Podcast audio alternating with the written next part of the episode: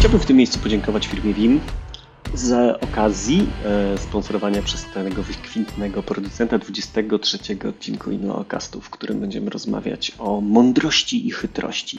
Ich rozwiązanie e, VIM Backup and Application dla Office 365 pozwala zabezpieczyć dane, a wypadałoby, żebyście się zabezpieczali w różnych aspektach, w, w stosunku do danych również. Zapraszam na odcinek. Ja myślę, że w ogóle pokłosiem tej naszej rozmowy jest to, że żeśmy się spotkali pierwotnie na tej wykwintnej imprezie, która trwała 5 dni, doprowadziła nas do obrzęgu, obrzęku stóp na pewno, nie?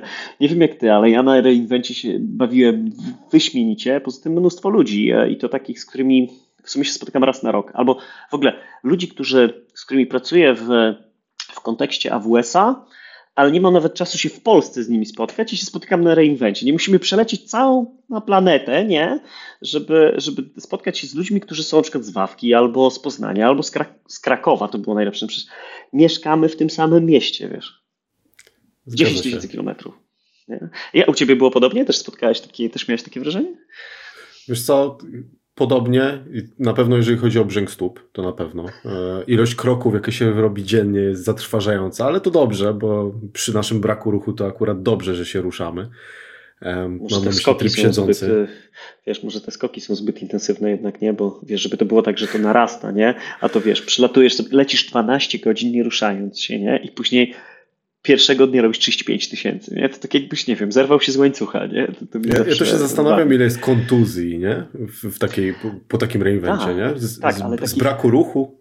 Tak, nagle przeskakujesz w taki hardcore, nie? I to jest takie, no w zasadzie, jakby to powiedzieć, no niespodziewane. Znaczy się spodziewasz tego, za każdym razem wiesz, że tak będzie, ale na koniec dnia myślisz sobie o tym, znowu się wydarzyło, nie? I w sumie nie było możliwości zmiany tego. Dokładnie. No, jeszcze wiesz co, na kanwie reinventu, zanim zaczniemy naszą rozmowę o tym wykwintnym obrazku, który podeślemy zresztą w linkach na dole, żebyście wiedzieli, do czego się odnosimy. Co było dla Ciebie najciekawsze? Takie standardowe pytanie. Standardowe pytanie i mam standardową odpowiedź przygotowaną. E, mam, Mam dwie, dwa ogłoszenia, które mi się prywatnie bardzo podobają. Mhm. Sprzed reinventu zdecydowanie tak. większość, umożliwienie podłączenia wielu MFA tokenów do jednego IAM usera. To jest coś, co było mhm. bardzo długo oczekiwane. E, wreszcie się pojawiło, także dla root account. To rozwiązuje wiele problemów, które są z tym mhm. związane, więc to zdecydowanie na plus. A z samego reinventa zdecydowanie coś, co mnie pasowało tematycznie, bo mhm. trochę się w tym temacie obracałem w jeszcze obecnym 2022, czyli AWS Application Composer, e, czyli ta nowa mm. usługa, no tak. nowa usługa, która tak naprawdę pozwala na e, wizualną wizualizowanie architektury, a jednocześnie E, przygotowanie infrastructure as code jako rezultatu tego wszystkiego. Mnie się to podoba z dwóch względów. Po pierwsze, to pomaga przy eksploracji, bo będzie łatwiej. Wiadomo, że na razie to jest dość ograniczona usługa, jeżeli chodzi o zakres usług. E, wszystkich 250 ponad usług tam nie ma na razie, ale to już w tym momencie daje ciekawy obraz, e, jeżeli byśmy chcieli sobie zobaczyć, jak wygląda konkretna definicja infrastructure as code dla czegoś, czego nie znamy czyli od tego zakresu eksploracyjnego to jest fajna sprawa. Natomiast druga sprawa, która mnie bardziej ciekawi, miałem serię prezentacji, e, które się były zatytułowane Lines and Boxes na temat tego, w jaki sposób mapować infrastrukturę, architekturę, jak łączyć te dwa światy ze sobą. E, I dla mnie to konkretne rozwiązanie pokazuje właśnie, w jaki sposób można to zrobić, jednocześnie zachowując to mapowanie między tym, co jest na diagramie, jak to mówią, papier wszystko zniesie, ale z drugiej strony fajnie by było mieć tą wizualizację przeniesioną do kodu, do kodu infrastruktury mhm. i tu nie jest to idealne rozwiązanie, ale na pewno jesteśmy krok bliżej, jeżeli chodzi o tego typu rozwiązania. Mhm. Zanim przejdziemy dalej, to um, witamy w Inleokaście, 23 odcinek. No, zaczęliśmy jak zwykle z rozbiegu. E, dzisiaj ze mną e, Wojtek. E, Wojtek jest e, ewangelistą, to się tak pięknie nazywa? Czy już Kiedyś... Tego Kiedyś tak. Kiedyś te, Technical Evangelist, dzisiaj Developer Advocate, dokładnie tak. Developer Advocate w, w, w, takiej małej firmie, która ma trzyliterowy skrót nazywający się AWS. E, ja nazywam się Maciej Lelusz, e, Evola Poland. E, no cóż, chcemy pogadać o tym, troszeczkę o tym, jak Reevent nam minął, bo mieliśmy tę przyjemność i ból, o którym już wspominaliśmy, wystąpić albo być na tym evencie. A z drugiej strony też chcieliśmy pogadać o pewnym obrazku, który wysłałem na zaczepne na tą rozmowę, a o nim to będzie później. Jeszcze wiesz co, wrócę na chwilę do tych e, jakby odczuć po mm, o publikacjach. Ja osobiście jakby nie mam ulubionego takiego elementu, który został opublikowany, natomiast mam taki feeling, który po wcześniejszych reinventach nie był obecny, natomiast po tym jest. To znaczy, że zaczęła, zaczęła się taka mm, faza dojrzałości. To znaczy, że nie publikujemy 500 nowych usług, nie, które są w wersji MVP, nie, i wszyscy będą cierpieć ich używając i też na przykład e, cierpieć na integracji między nimi, tylko mówimy tak, skoro mamy, mówisz 250, tak, 200 parę, nie? 200 ponad. Parę. No, ponad 200 usług, to jak dużo energii spalamy na to, żeby użyć tych 30%? No bo de facto tak jest, no bo jednak wiele z tych usług jest usługami dla rynków niszowych, nie? Mm, znaczy dla użytkowników pracujących w e, niszową jakąś potrzebą, natomiast powiedzmy 30% z nich to są takie commodity, wszyscy ich używają i to jest, nie wiem, S3 albo EC2 albo Fargate, coś co używają no w zasadzie wszyscy, którzy idą w tą stronę. I teraz chodzi mi o to, że nagle się okazało, że można to zrobić wersję drugą, trzecią, czwartą, piątą, lepszą i zadbać o tą integrację pomiędzy tymi usługami. I to jest klucz, który mówi o dojrzałości moim zdaniem. Zajebisty, bo dotychczas to było takie biegnięcie, wiesz, do przodu, jak buldożer, który nie zna spokoju, wiesz, sunie, nie? A teraz jest coś takiego, dobra, obejrzymy się do tyłu, zobaczmy, co nasi klienci używają i wpompujmy w to seksyliardy dolarów, żeby był jeszcze lepszym produktem i ta integracja nie zżerała tyle czasu. I ten kompozer jest tego przykładem, bo nie dałbyś rady zrobić, moim zdaniem, technicznie kompozera, który integrowałby gówniane produkty.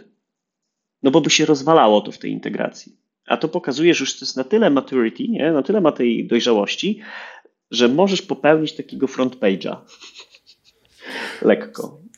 To jest jedna rzecz. Druga rzecz, bardzo mi się podoba, że to ty to powiedziałeś, dlatego że AWS y, z racji tego, że jest też najstarszą y, chmurą, zbiera słuszne bądź niesłuszne opinie, cięgie baty czasem na temat tego, jak wygląda integracja poszczególnych usług. E, jak wygląda temat związany z developer experience, który jest szalenie ważny, bo tak na dobrą sprawę to właśnie osoby, które na co dzień implementują te rozwiązania, są bezpośrednimi klientami. I Dokładnie. cieszę się, że to ty powiedziałeś, dlatego że to jest jeden z takich kierunków, który było widać trochę w 2021, a w tym roku jest to zdecydowanie jedna z, jeden z priorytetów. I wydaje mi się, że to jest jeszcze jeden e, taki element, gdzie wychodzi to AWS-owe Customer Obsession, bo tak naprawdę sporo e, tych negatywnych feedbacków nawet czas, często E, docierało. Natomiast słuchając ich, dało się rozpoznać przewijające się trendy, wzorce, które warto by było usprawnić i na przykład Application Composer czy Code Catalyst czy parę innych rozwiązań, które integrują się albo poprawiają to, co już istnieje, tak jak wspomniane MFA tokeny, to są takie przykłady, gdzie to usprawnienie i to dojrzewanie zaczyna przeradzać się w fajną integrację. Też mi się tak wydaje. I, I to jest zasadniczo, to, to jakby to, co wyniosłem z reinventu. Wiesz, to plus oczywiście networking szalony, który się tam toczył na każdej możliwej płaszczyźnie, nie? Natomiast e, to jest takie wrażenie, w którym ja jako klient końcowy, albo przynajmniej tego klienta ambasador, nie? Mm, u vendora, no ja chciałem to usłyszeć. Tak jak mówisz, echo w 2021 się pojawiło, ale było takie dobra, może się uda. Ale tu to było konkretnie powiedziane. To jest w zasadzie wydźwięk całego tego, e, całego tego spotkania, bo nie było, zauważ, czegoś takiego, że ogłosili, nie wiem, S3 nowe, nie? Coś, coś tak fundamentalnie innego, nie? Że to rozwalało nam mózg, nie? nie? Przynajmniej ja nie odczułem takiego, że nie było takiego fundamentalnego ogłoszenia, ale z drugiej strony było coś takiego, że dobra, zrobiliśmy kolejne kroki, nowe procesorki, nowe coś tam, nie? Takie po prostu zwykłe rośnięcie, nie, nie, nie ogłosiliśmy 230 nowych usług, tylko raczej pokompletowaliśmy te usługi w coś, co się da używać. I to jest według mnie ogromna, ogromna zaleta, bo popatrz, taką rozmowę miałem na ostatnim AWS User Group meetingu w Krakowie z kolegami, że prototypowanie jest największą siłą chmury. Nie? To znaczy, kiedyś prototypować trzeba było, wydając na to pierdyliardy dolarów. Nie? Teraz można to zrobić za relatywnie nieduże pieniądze, ale trzeba mieć cholernie dużo wiedzy o backendzie.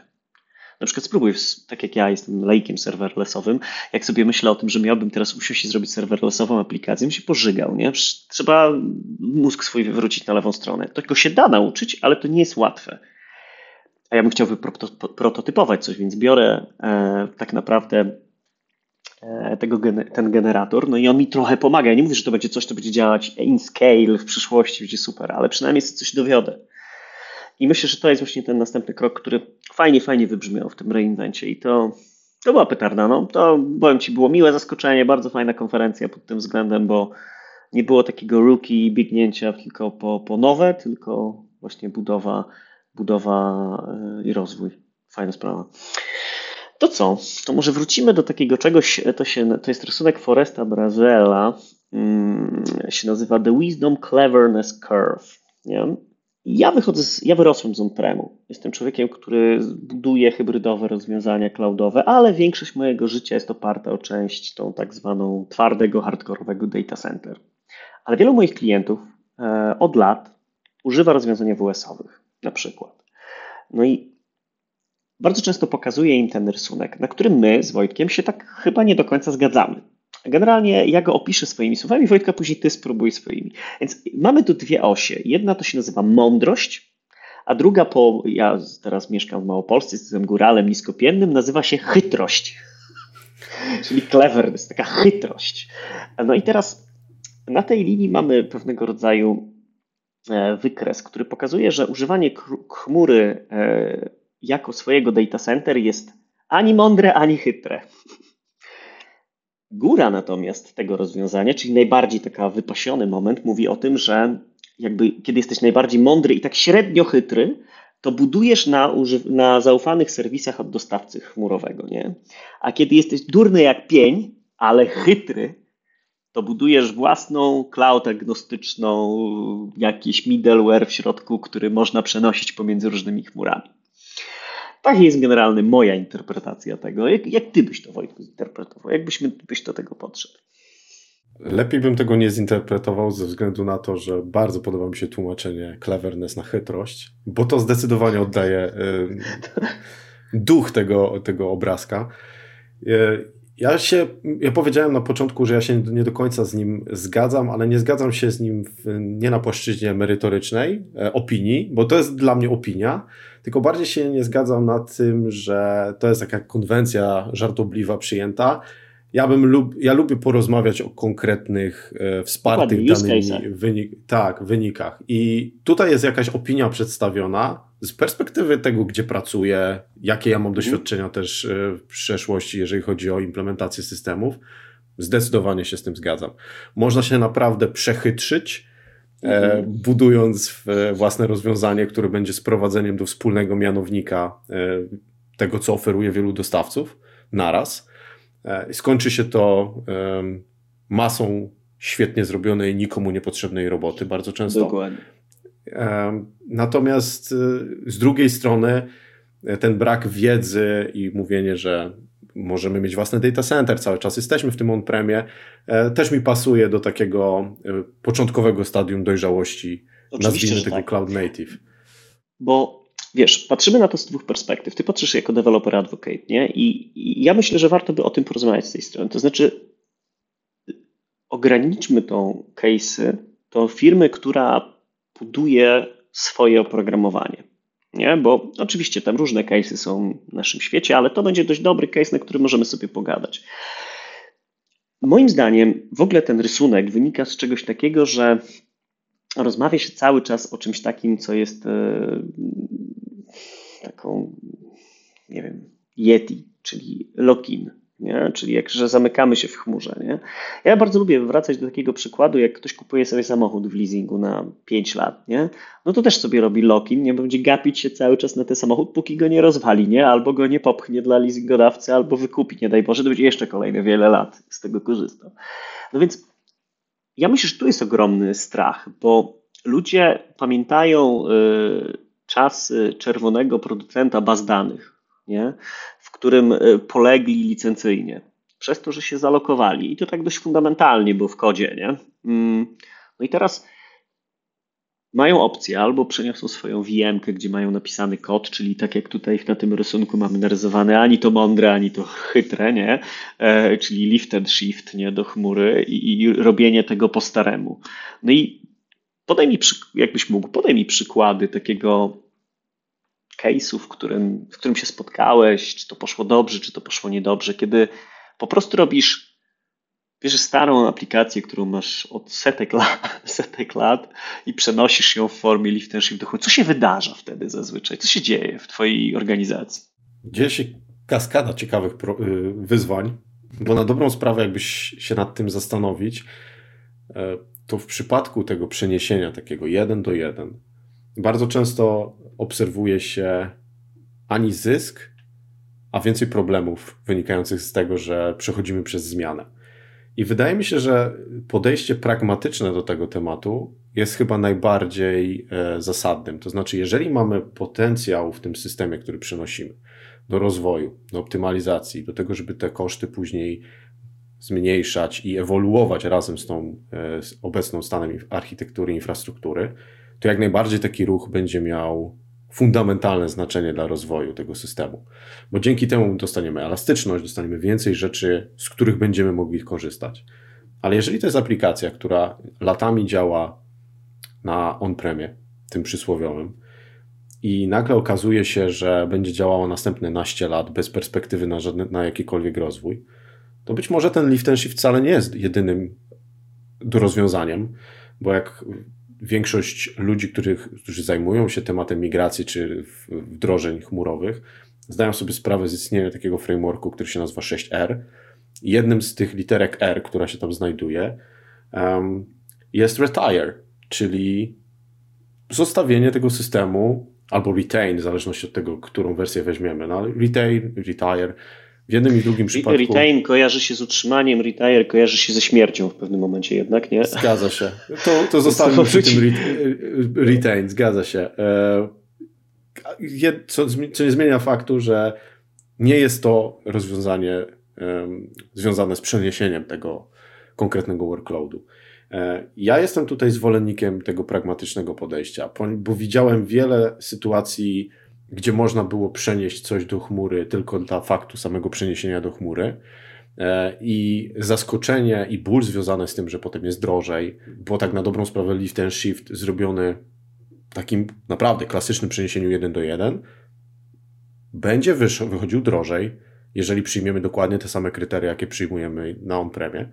Ale jeżeli myślimy o rozwoju, optymalizacji, późniejszej ewolucji tego systemu, to dostajemy dużo większe możliwości i dużo większą elastyczność, e, której po prostu nie mamy na on-premie. I wydaje mi się, że tutaj jest największy e, zawsze problem i nacisk e, warto położyć na tą motywację i na tą przyszłość tego konkretnego systemu.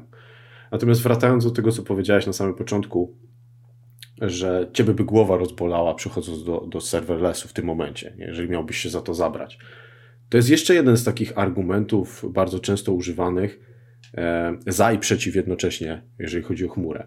To znaczy, dostajemy masę możliwości i to jest jednocześnie zaleta i wada.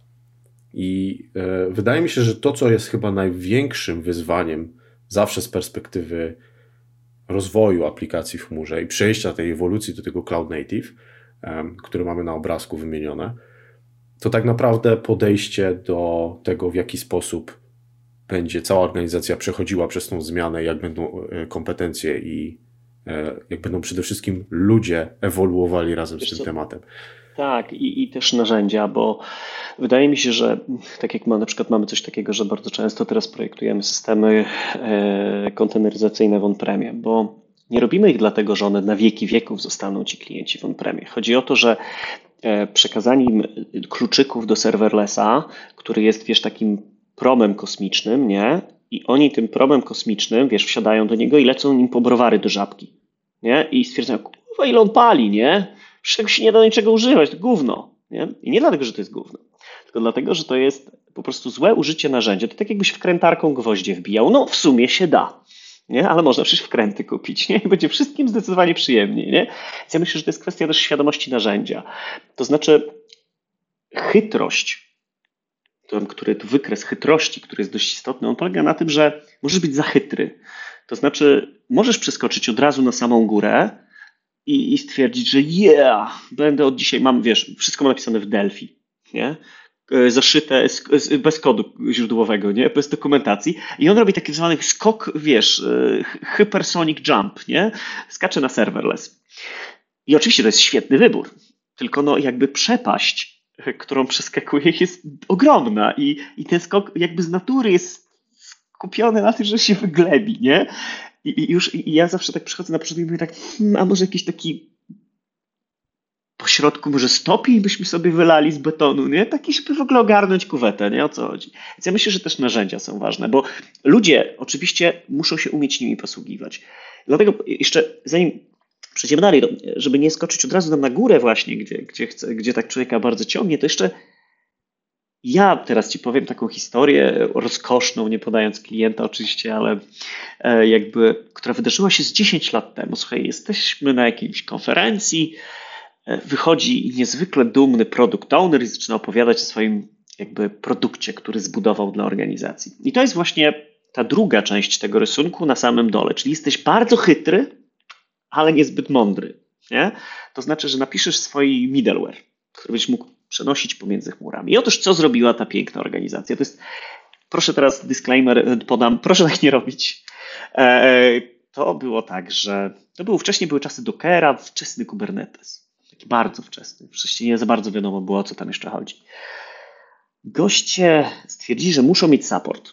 Nie? Więc poszli w Kubernetesa w wersji płatnej, któregoś tam z producentów. To w ogóle nie ma większego znaczenia. W każdym razie kupili sobie licencję płatnego Kubernetesa i stwierdzili, że chcą zjeść tym do chmury. Prawda? No bo chmura jest modna, jakby tu był raczej efekt mody niż, niż sensowności użycia. Jeszcze wówczas w AWS nie za bardzo istniały usługi takiego hostowanego Kubernetesa. To były naprawdę bardzo dawne czasy. No i goście powołali sobie EC2, w których zainstalowali Linuxa, na których zainstalowali Kubernetesa w wersji tam producenckiej, w którym mieli całe CICD, ta, ta, ta, ta, to wszystko. Więc stworzyli takie monster VMki, w których puszczali Kubernetesy na górze, nie? No ja pytam, podnoszę tak nieskromnie rączkę i pytam, no panowie, dlaczego? Nie? Jaki jest powód? No i oni powiedzieli, że to pozwoli im przenosić się między chmurami. Czyli mieli swój middleware, nie? Czyli mieli to samo w on-premie, to samo w chmurze i to samo, daj Boże, jeszcze w jednej chmurze. Nie? Czy miałeś podobną sytuację i czy, czy to jest popularne podejście? Bo ja byłem przerażony. byłem relatywnie przestraszony, co tam się dzieje. Z mojej kariery, jeszcze przed, zanim dołączyłem do AWS-a, to było jedna z takich e, sztandarowych przykładów, które ja osobiście i my osobiście odradzaliśmy zawsze. Um, i, I bardzo mądre, najlepsze pytanie świata zadałeś. Dlaczego? Um, myślę, że gdybyś zadał to, to samo pytanie pięć razy, na każdą odpowiedź odpowiadając ponownie dlaczego, w pewnym momencie do wszystkich mogłoby dotrzeć, że ten ruch był umotywowany um, takim klasycznym inżynierskim myśleniem, co jeśli będziemy potrzebowali migracji między chmurami. Co jeśli ten vendor lock-in nieszczęsny, do którego się wszyscy odwołują, um, będzie zbyt poważny dla nas e, jako konsekwencja rozwoju tej aplikacji. E, I to jest jeden z takich tematów, który e, ja nie mam konkretnego przykładu, który mogę podać jako, jako właśnie tego typu antywzorzec. Natomiast to jest jedna z takich rzeczy, którą się często, o której się często słyszy. E, nie chciałbym tego zamienić taką legendę miejską, bo to trochę wygląda jak straszenie Yeti albo właśnie czymś, co, co nie istnieje. To znaczy, nikt się nie chce przyznać do tego, że tak robią, a gdzieś te przykłady jednak mimo wszystko są. Natomiast wydaje mi się, że i dlatego jeszcze wracając do tego, co powiedziałeś um, o tym samym, o tym rysunku, o tym, um, czemu się może trochę z nim nie zgadzam. Podoba mi się, podobają mi się osie, Podoba mi się kształt, natomiast mam wrażenie, że e, jest jeszcze jedna krzywa, której tutaj nie ma, bo to, że można przechytrzyć siebie implementując multi-cloud strategy na bazie wielu dostawców, to jest jedna z takich rzeczy, o których się mówi, się trąbi bardzo często i gęsto. E, I tak jak sam powiedziałeś, obecnie to już pewnie jest znany antywzorzec. Ale z drugiej strony, można się też przechytrzyć na samym początku swojej drogi.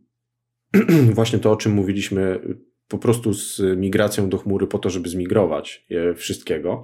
I jeszcze jest jedna, jeden aspekt, e, tym razem dobry, moim zdaniem.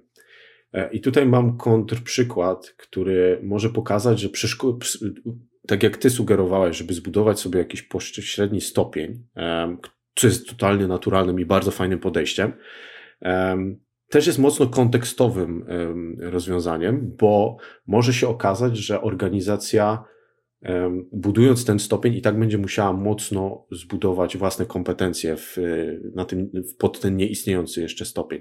Co mam na myśli? E, pracowałem przy projekcie, który migrował, miał dużą infrastrukturę, e, bazę klientów i stosunkowo niewielką infrastrukturę na AWS-ie. E, natomiast wszystko było zamknięte w bardzo monolitycznej infrastrukturze. Oczywiście monolityczny kod, architektura to jedno, ale to była też monolityczna infrastruktura. Jeżeli mówimy o, o tej monolitycznej infrastrukturze, to mam na myśli olbrzymią maszynę EC2, na której było wszystko. Um, wszystkie serwery SQL Server, dziesiątki serwer, serwisów Windowsowych, wszystko na jednej maszynie, w jednej availability zone w US East 1. Ja mam dreszcze, jak sobie o tym myślę w tym momencie. E, co tam się może później tak tak, co to mogło później, tak. E, I w momencie, kiedy e, pojawiły się pewne problemy związane ze stabilnością, z elastycznością, z rozwojem tej aplikacji, naturalnym krokiem, który jest wszechobecny w, tym, e, w naszym ładnym, naszej ładnej branży, jest migracja monolitu do mikroserwisów. I to jest taki piękny slogan, który świetnie wygląda w tym konkretnym kontekście, idealnie pasuje do tego wzorca, ale stawia bardzo poważne pytania dotyczące tego, jak wygląda struktura kompetencji w organizacji, bo stawia przed nią niesamowite wyzwania. Dodatkowo to była firma, która pracowała z typowo Windowsowym, e, Windowsowymi technologiami, Microsoftowymi technologiami. E, miała bardzo sensowny use case do wykorzystywania aplikacji desktopowych, które były rozlokowane mhm. w, w kilkudziesięciu tysiącach lokalizacji.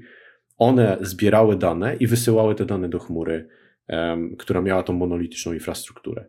Więc kompetencji dotyczących Kubernetesa, Dockera kompletnie nie było w tej organizacji, a jednocześnie była potrzeba, paląca potrzeba tego, żeby ten monolit rozbić. I tam udało się przeskoczyć konteneryzację i wskoczyć od razu do usług w pełni zarządzanych serverlessowych, takich mhm. jak AWS Lambda, Fargate, robiąc bardzo stopniowy redesign tego systemu. Oczywiście, A, znowu to jest pytanie, mega kontekstowe. Jeżeli, jeżeli mogę, czy pomogło to, że była ta aplikacja już przeniesiona w AWS-ie?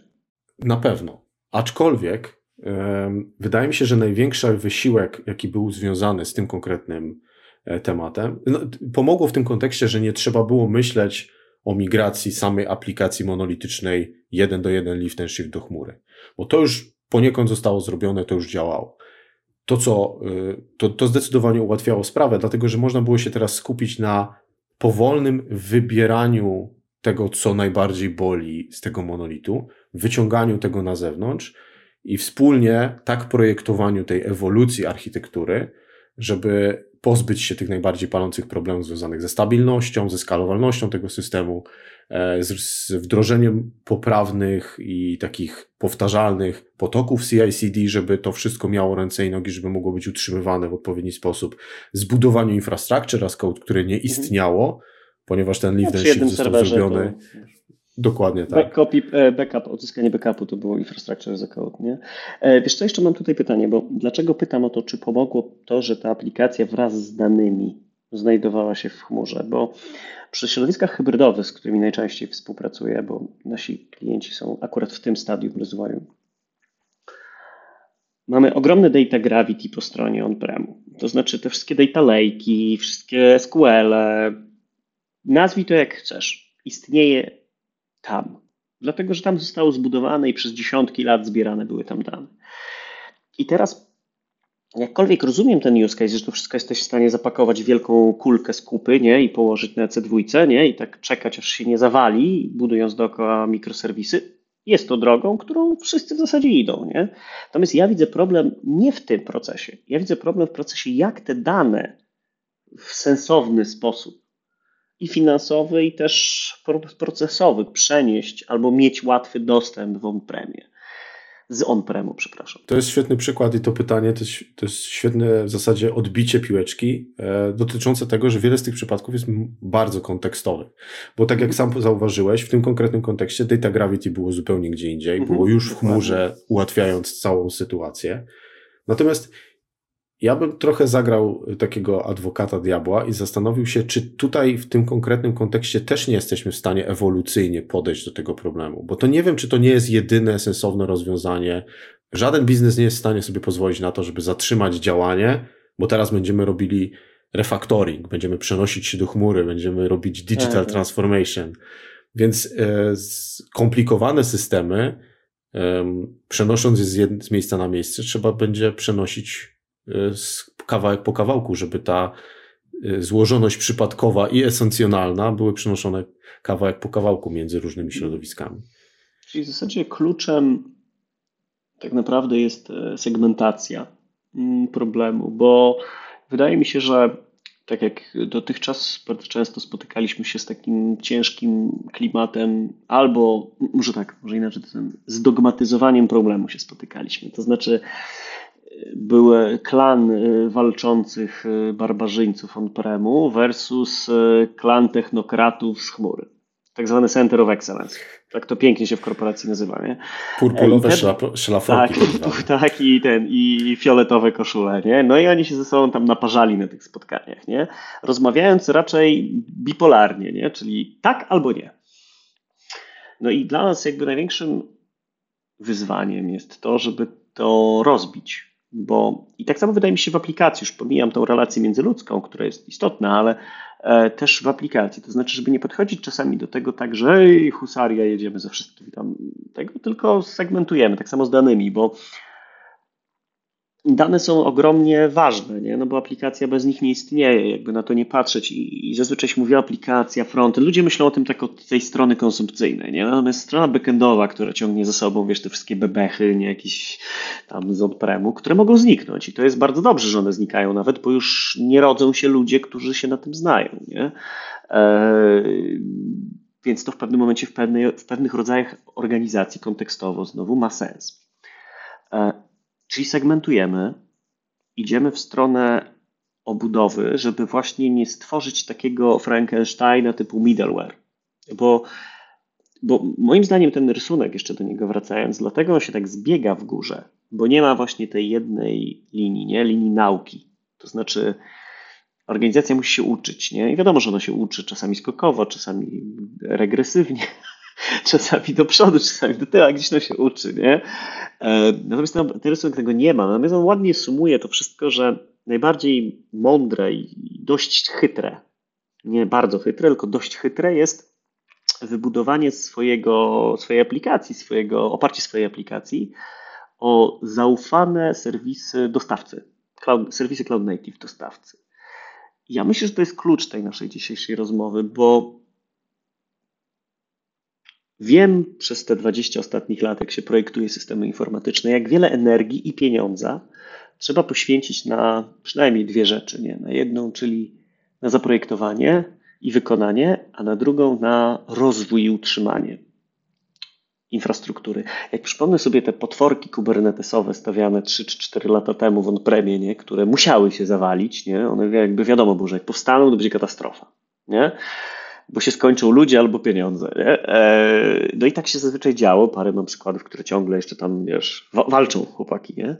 No, a z drugiej strony mamy te Trusted Services, nie? Trusted Cloud Native Services. I ty jesteś trochę orędownikiem tych serwisów, tak? Jakby rozumiem, bo to jest coś, co uważacie jakby w AWS-ie, że jest może nie jedyną słuszną drogą, ale kontekstowo, w większości kontekstów się sprawdza.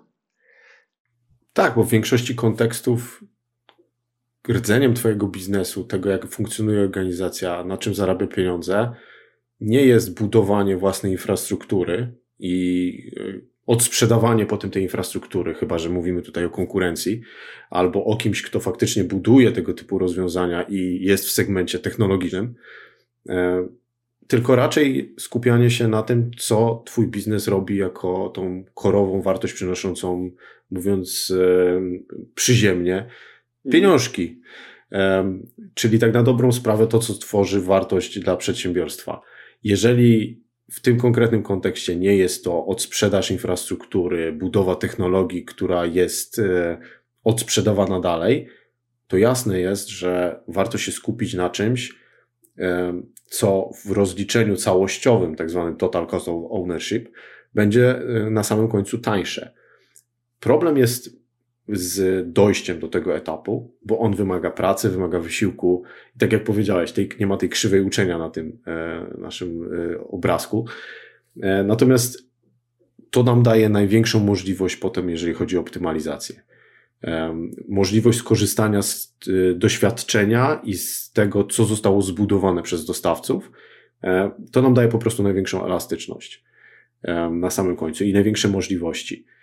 Jeżeli nie jest naszym celem e, konkurowanie z takim dostawcą albo budowa właśnie jakiegoś rozwiązania technologicznego, które będzie w bardzo podobny sposób odsprzedawane, e, to wydaje mi się, że kontekstowo zaaplikowanie i skorzystanie z tych w pełni zarządzanych usług, rozumianych jako cloud native, jako fully managed services, jako serverless, jak zwał, tak zwał, przyniesie największe korzyści. Okej, okay, czyli jeżeli segmentujemy nasz problem, nie popełnimy błędu wytwarzania swojej własnej infrastruktury w chmurze, tylko zawierzymy zespołom, które mają 100 tysięcy razy większe budżety i tysiąc razy więcej ludzi niż wasz własny zespół, bo ja też to widzę, wiesz, że my to zrobimy lepiej. Mamy taki use case, taki use case uknuliśmy, że prawą ręką, gdzie tam prawą ręką? Lewą stopą za prawym uchem się drapiemy. Nie taki use case, żeśmy jesteśmy jedyni na świecie, nie? Dlatego nie możemy skorzystać z tego, gdzie ktoś włożył bardzo dużo energii. Nie wiem, z czego to do końca wynika. Mam jakieś takie porażające wrażenie, że wynika to z naszej takiej wewnętrznej siłaczki. To znaczy, że za wszelką cenę my tam będziemy lepsi. Bo trochę popatrz. tak, a trochę też wynika chyba z naszej branży. Wiesz, nie, nie bez powodu w, w IT jest coś takiego, co nazywa się NIH syndrom, czyli Not Invented Here, czyli coś, co pozwala na ciągłe odkrywanie koła na nowo i tak jak mówisz, tą taką wiarę w unikalność E, bo nasz konkretne zastosowanie, nasze konkretne zastosowanie jest unikalne, to będziemy chcieli to e, zrobić po swojemu, bo będziemy Ale wiedzieć, jak zrobić to lepiej. Ale popatrz. Jesteś firmą, która produkuje gwoździe. To jest mój ulubiony przykład. Ja z nim podróżuję przez Inleocast od chyba już 20 odcinków. Nie jesteś firmą produkującą gwoździe. Sam to pięknie powiedziałeś. Nie jest Twoim korem robienie infrastruktury. Twoim korem jest szybsze i bardziej precyzyjne produkowanie gwoździ, które finalnie na końcu będzie szybciej sprzedaż te gwoździe. Dokładnie tak. I ty masz aplikację. Nawet jak nie masz tego zespołu, to sobie go wynajmujesz, który ci tę aplikację napisze, przepisze, whatever. Ale jakim celem, jakim celu, kiedy masz trzech ludzi w IT, czy pięciu, czy pięćdziesięciu nawet, nie, możesz powiedzieć, że będziesz lepszy od firmy, która inwestuje jak popatrzysz sobie na, bardzo dobre są takie, e, postaram się też dorzucić to jako załącznik, takie e, czarty, jak pokazane jest, ile AWS inwestuje w R&D. Nie? To jest budżet małego państwa, nawet nie małego całkiem, całkiem sporego państwa, nie? Co roku w R&D, czyli w ludzi, którzy wymyślają, jak sprawić, żeby serwisy, te 200 iż serwisów, było lepsze. Miejmy nadzieję. No i teraz dziesiątki tysięcy inżynierów pracują nad tym, żeby to było lepsze, a ty masz trzech. Nie? Ja zawsze się zastanawiam nad rozmiarem ego wtedy, nie? Czy on w ogóle pasuje w ogóle w te pomieszczenie, nie? w którym się przebywa, bo zauważ, że nie po to płacisz haracz w postaci wyższej ceny, bo ona zawsze będzie wyższa niż ta, którą ty wyprodukujesz sam, ale twoja będzie opatrzona podatkiem potu i łez i e, wieczorów bez rodziny, nie? E, jeżeli to będziesz budował sam, versus haracz zapłacony za kogoś, kto ten problem od ciebie bierze. Ja myślę, że właśnie siłą Cloud Native Services, czyli rzeczy związanych z, już pomijam serverless, nawet z tym Kubernetesem nieszczęsnym, nie? Jeżeli ktoś kiedykolwiek postawił u siebie w infrastrukturze Kubernetesa, myślę, że będzie wiedział doskonale, o czym ja mówię teraz, nie? I później będzie starał się go zaktualizować, utrzymać, dołączyć nowe funkcjonalności, wszystko, co istnieje. versus to, że zapłaci za to więcej, oczywiście, że zapłaci więcej, ale wyoutsourcuje od siebie ten, ten, ten ciężar. Może nie problem, to jest ciężar, bo on nie zawsze się objawia. Możemy trzy lata może działać infrastruktura świetnie, się nigdy ten ciężar nie objawi, ale jak się raz objawi, to się go do końca życia pamięta. Nie? I, I tutaj pytanie, czy czy to jest wystarczający poziom chytrości, mądrości? Czy gdzieś jeszcze coś jest poza tym e, pięknym rysunkiem? Czy jest jakiś model, który tu nie został ujęty w kontekście właśnie deweloper, e, relacji z, dewelop, z deweloperem? Devrelu tego całego. To jest, to jest dobre pytanie, czy coś tu zostało pominięte. Jeżeli byśmy dołożyli jeszcze jedną oś, E, z jakimś konkretnym, e, z konkretnym podejściem, na przykład właśnie z tą krzywą uczenia, może byśmy byli, byśmy byli w stanie znaleźć więcej ścieżek. Wydaje mi się, że w takim dwuwymiarowym, um, uproszczonym mimo wszystko prezentacji, tak. Tutaj nie, nie za wiele nam zostało e, różnych ścieżek. To, co można by było, nad czym można by było się zastanowić i też to fajnie ująłeś, e, to czy ta krzywa e, pomiędzy tym początkowym stadium, a tym takim, nazwijmy to, optimum chytrości mm. na samym szczycie, czy ta krzywa jest gładka, czy ta krzywa jest raczej schodkowa. Bo wydaje mi się, że w wielu organizacjach i w wielu kontekstach to nie będzie ciągły będzie proces, tak. tylko będzie raczej sk skokowe dostarczanie, dokładanie tej wartości, tej wiedzy. Wiesz, na końcu drogi przecież tam się stosuje, dlaczego się stosuje agile w takich sytuacjach, nie? Bo wiadomo, że droga nie będzie prosta, tylko będziemy, wiesz, jak namydlony wąż tam lecieć, nie? Raz w prawo, raz w lewo, nie? W końcu się tam dobiegnie. Natomiast też warto powiedzieć to, że nie wiedząc, jak się korzysta z narzędzi, należy się ich nauczyć. I to sprawi, że nie będziemy biegli szybko. I nie tak szybko, jak wymaga tego biznes na początku. Może tak. I ta frustracja może osiągnąć punkt krytyczny, jeżeli się w pewnym momencie tych efektów nie dowiezie obiecanych. I dlatego on, tak jak mówisz, nie jest gładki. To są zewnętrzni konsultanci, firmy, architekci, vendor. To jest. To są te sytuacje, o których wspomniałeś, które będą ciążyć potem latami, które się nagle okażą um, tą nauczką albo tą, tym lessons learned, ładnie powiedzianym. E, bo na przykład budowaliśmy własne rozwiązanie i zobaczyliśmy, że e, ciężar związany z aktualizacją i zapewnieniem bezpieczeństwa, zgodnością z wymogami, z regulacjami jest, y, był po prostu niedoszacowany. Albo hmm. okaże się w pewnym momencie, że ktoś pójdzie po rozum do głowy i um, uda się przezwyciężyć sunk cost fallacy, czyli tą taką chęć dokończenia tego projektu za wszelką cenę, mimo że on już dawno jest nieopłacalny, tylko próbę przeniesienia tego i próbę skorzystania z jakichś gotowych rozwiązań. Po, bardzo mi się podoba ten przykład firmy z gwoździami, bo to trochę by obrazowało taką sytuację, jeżeli firma, która produkuje gwoździe, mam na myśli analogię między firmą, która próbuje budować własny cloud agnostic middleware albo tooling, to trochę odzwierciedla taką sytuację, jakby firma, która zajmuje się produkcją gwoździ, nagle zastanawiała się, jak przygotować własnej produkcji linię pod te gwoździe i będzie ją samemu implementowała, będzie samemu E, przygotowywała koła zębate, które tą linię zasilają i tak dalej, i tak dalej. Ale to, to, to jest jeszcze pół biedy, wiesz, bo jeżeli jest jeszcze taki pomysł, to znaczy, że ktoś może chce to zmonetyzować, na przykład robiąc e, firmę produkującą gwoździe za serwis. Nie, to jest pół biedy, ale taka świadomość musi być w firmie. A zazwyczaj jest tak, że się rypie te rozwiązanie nie? i w sobie na końcu się je wyrzuca do śmietnika, nie? Bo, bo to też jest kwestia tego, na czym ty się chcesz skupić. Nie? Dokładnie tak. To jest to, co powiedziałem, że jeżeli nie masz intencji zostania firmą w segmencie tech, a zupełnie innym korem twojego, twojej działalności jest zupełnie inna domena, to może faktycznie nie ma sensu inwestować w tą warstwę technologiczną. W przeszłości e, jeden z takich e, mądrych CTO, kiedy zaczynałem swoją karierę, nauczył mnie bardzo ważnej rzeczy, mianowicie jak za pomocą małego ośmioosobowego zespołu dostarczać w rozwiązania w dużym startupie, który był obecny na 10 rynkach Unii Europejskiej, E, i obsługiwał e, setki tysięcy zamówień e, w przeciągu miesiąca, mając ten zespół w zasadzie kilkunastoosobowy, od 8 do 12 osób w, szczycie.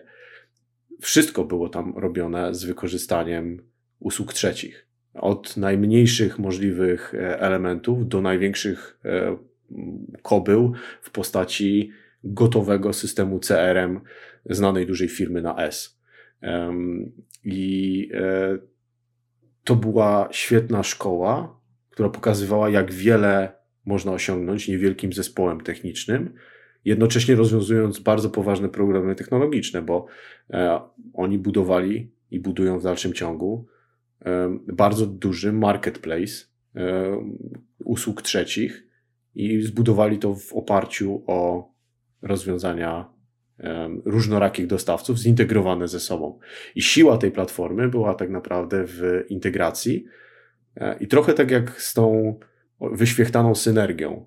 E, suma wszystkich komponentów dawała dużo większą wartość na samym końcu e, dzięki integracji. 23 odcinek Igleocastu. Mm, pierwszy raz, Wojtku, ktoś z AWS-a u nas, więc się niezwykle cieszę, bo myślę, że to może się przerodzić w jakąś większą, większą historię. Developer Advocate, Wojciech Gawroński, Maciej Lelusz, dziękujemy bardzo i zapraszamy ponownie e, w stosownym momencie, a tymczasem cóż, udanej zimy, no. Mam nadzieję, że zostanie z nami chwilę, tym, a ja idę odśnieżać, nie? Także trzymajcie się. Dzięki również. Dzięki.